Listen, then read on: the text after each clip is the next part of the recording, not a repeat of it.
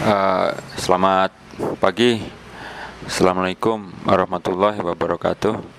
Pagi ini saya coba mengcover kegiatan saya yang lain. Jadi saya ceritanya terli terlibat ya atau berpartisipasi lah kalau pakai kata terlibat itu kok kayaknya konotasinya negatif. Jadi saya itu berpartisipasi di dalam satu tim yang tim itu uh, memberikan materi tentang KLHS kajian lingkungan hidup strategis. Nah, tim itu dari terdiri dari banyak dosen, banyak peneliti begitu ya yang mengcover masing-masing uh, kebisaannya dan kepakarannya di komponen-komponen yang dimasukkan ke dalam KLHS gitu kurang lebih. Nah, kami ini e, mengadakan acara itu, pelatihan itu di bawah koordinasi dengan Pusat Studi Lingkungan Hidup di kampus saya ya PS, PSLH kalau disingkatnya. Nah, ini sudah akan batch keempat. Ya kan? Nah, di luar batch itu juga ada beberapa diskusi kecil ya yang diminta dan diadakan eh, atas permintaan dari para pengusul KLHS. Ya, jadi apa itu KLHS dan yang yang apa ya, yang dibahas di dalamnya itu mungkin bahasan sendiri ya. Tapi sekarang yang jelas di depan saya ini ada saya sedang dengan Darmawan. Dia ini anak S1 Teknik Lingkungan di kampus saya. Ya, Anda bisa mengenalkan diri sendiri. Uh, perkenalkan, nama saya Darmawan Panjaya, anak S1 Teknik Lingkungan BERS 2014. Sebentar lagi saya akan wisuda. Oke. Okay. Uh, saya di PSLH sebagai tim modul. Oke, okay. Darmawan, Anda jelaskan dulu uh, ini, sorry, yang Anda kerjakan begitu ya. Nanti saya saya mau ini dulu ketemu orang sebentar yang saya kerjakan ada menyatukan menyatukan modul-modul dari para dosen. Dosen ter, terdiri dari cukup banyak. Ada di kelas itu ada enam muatan.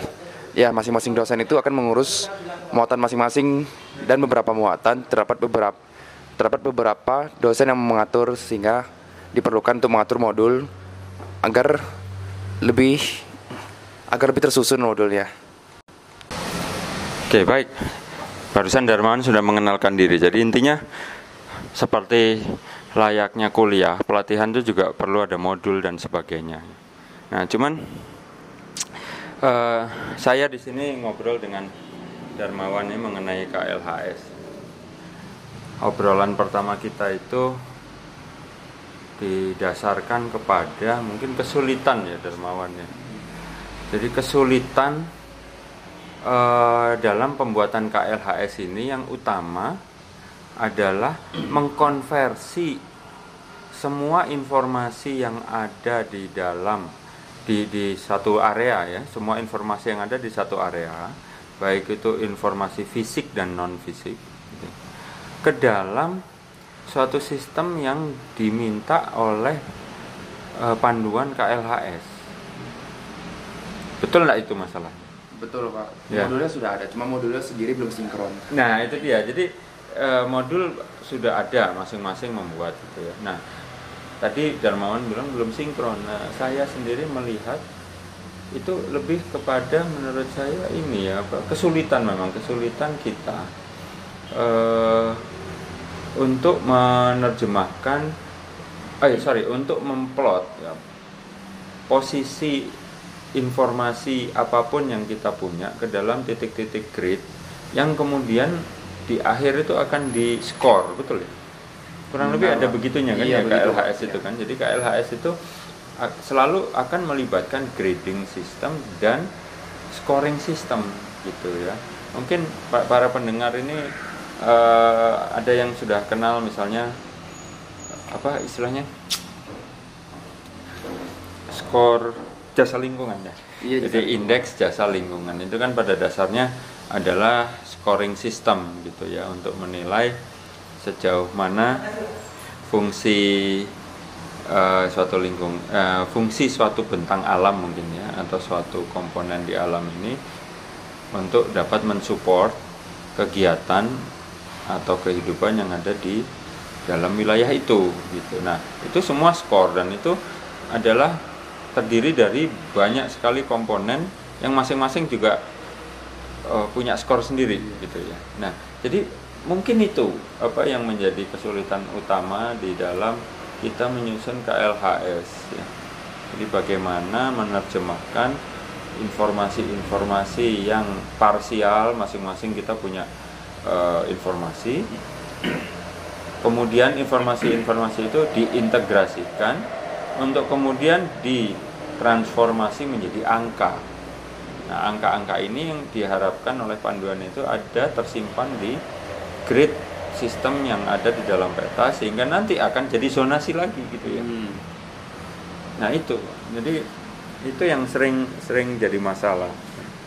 Di kalau saya tanya sekarang ya, di teknik lingkungan sendiri untuk S1 itu diajarkan nggak hal-hal yang terkait ini seingat Anda? Uh, seingat saya saya baru tahu tentang KLHS itu Januari Pak. Jadi saya tidak belajar tentang KLHS. Oke, okay, jadi sekali. jadi spesifik KLHS Anda baru tahu Januari. Januari. Nah, Pak. tapi di balik itu kan ada tadi saya bilang ada scoring system dan lain-lain itu kalau di di TL ada kalau ininya. itu ada Pak, tapi mata kuliah khusus tidak ada untuk apa itu yang yang yang itu yang scoring system scoring yang system itu biasanya pada mata kuliah AMDAL ah oke okay. Nah AMDAL ini untuk diketahui kurang lebih mirip dengan KLHS lah ya. Jadi hmm, KLHS iya. zaman dulu itu sama dengan AMDAL kurang lebih. Nah tapi anda merasa waktu itu anda merasa jelas nggak ini? Kalau waktu kuliah dulu itu. Oh waktu kuliah kalau AMDAL sangat jelas Nah, apa bedanya dengan KLHS sekarang? Kalau KLHS itu di PP tertulis tata cara pembuatan KLHS sendiri, tetapi tentang hmm. muatannya hanya hanya disebutkan saja Pak, tidak ada tata caranya, penjelasannya begitu Pak. Nah, itu satu ya. Jadi di setiap bidang ilmu itu kan punya teori sendiri, punya teknik lapangan sendiri begitu ya untuk mencari data dan itu rupanya juga tidak dipandu di dalam dalam panduan KLHS begitu ya. Memang tidak semuanya harus dipandu. Kadang-kadang kita itu kalau semuanya ada panduan rigid malah susah juga begitu ya. Tapi intinya eh, bagaimana dari informasi itu ditransformasi ke dalam angka yang yang menjadi output utama dari KLHS. Ya kan angka-angka grid system itu kan KLHS itu kan. Iya. Itu yang susah. Ya kan? Iya, Pak. Sementara unit pemetaan itu bisa saja tidak sama dengan unit ya, unit yang dibahas di dalam eh dibahas sebagai output KLHS bisa bisa dipahami jadi kalau kita ke lapangan itu kan hmm. mungkin orang planologi melihat unitnya itu sebagai unit misalnya RT RW hmm. begitu ya hmm. kawasan A B C dan seterusnya tapi orang geologi melihatnya sebagai unit bentang alam misalnya hmm. gunung api, pegunungan lipatan dan seterusnya, lembah sungai dan seterusnya. Di sisi yang lain ada orang teknik lingkungan itu lain lagi zonasi hmm. unit observasi yang dilakukan. Hmm. Orang apa lagi yang sipil, biologi. Jadi unitnya itu beda-beda gitu. Sementara nanti di KLHS itu ujungnya itu akan jadi satu atau dua peta utama saja gitu. Ya, jadi kurang lebih seperti itu masalah kami di bidang KLHS ini ya ini sekedar untuk sharing saja begitu. Uh, siapa tahu para pendengar ini ada yang berminat untuk mengetahui lebih jauh atau yang kami harapkan punya solusi bagaimana caranya menggabungkan berbagai observasi yang pada akhirnya ini nggak nggak bisa ternyata hanya dengan overlay peta. Ya kan? Overlay peta kemudian dijadikan scoring system itu tidak semudah itu juga ternyata begitu ya.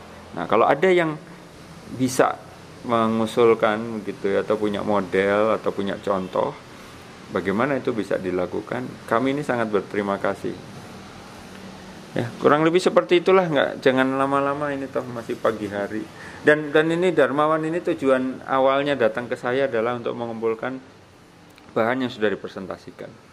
Ya, jadi seperti yang sering sudah diketahui gitu ya, saya bahan selalu dibagikan secara online tapi kadang-kadang lupa justru membagikannya secara offline ya. Oke. Terima kasih buat yang sudah mendengar. Kita ketemu di episode yang lain. Selamat pagi. Assalamualaikum warahmatullahi wabarakatuh. Terima kasih Darmawan.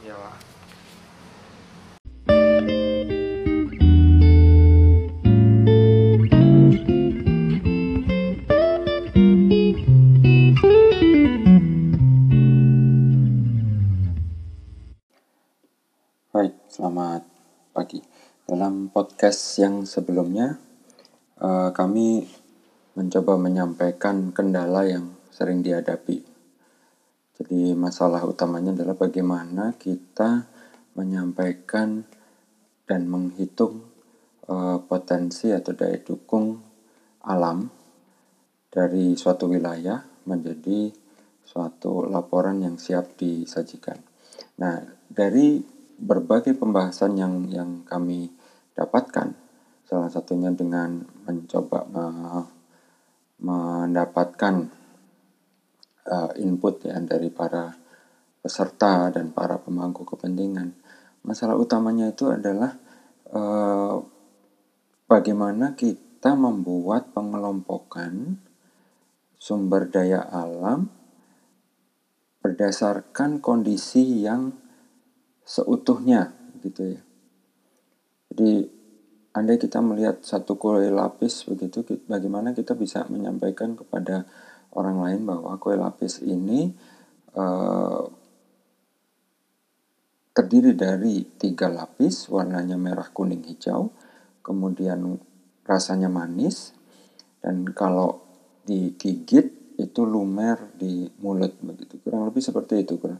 Nah di sisi yang lain ada kue lapis yang lain yang warnanya putih, eh, biru, hitam misalnya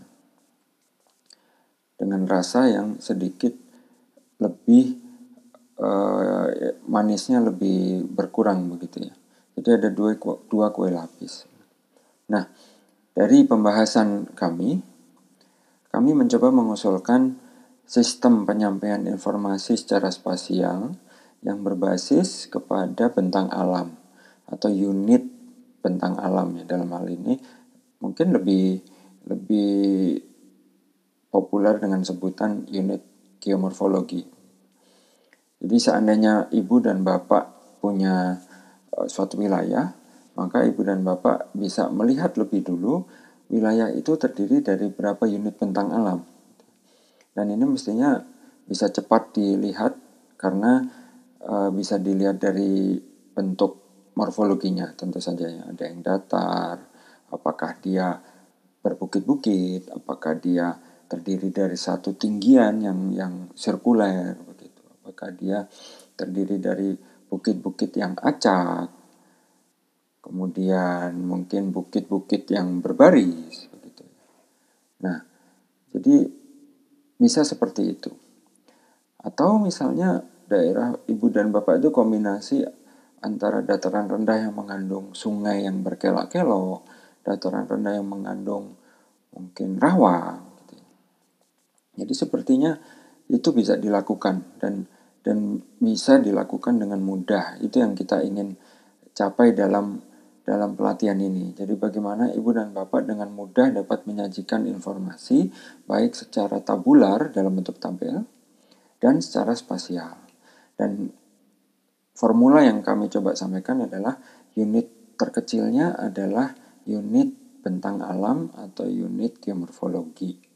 Jadi bukan unit administratif tapi unit bentang alam atau unit geomorfologi.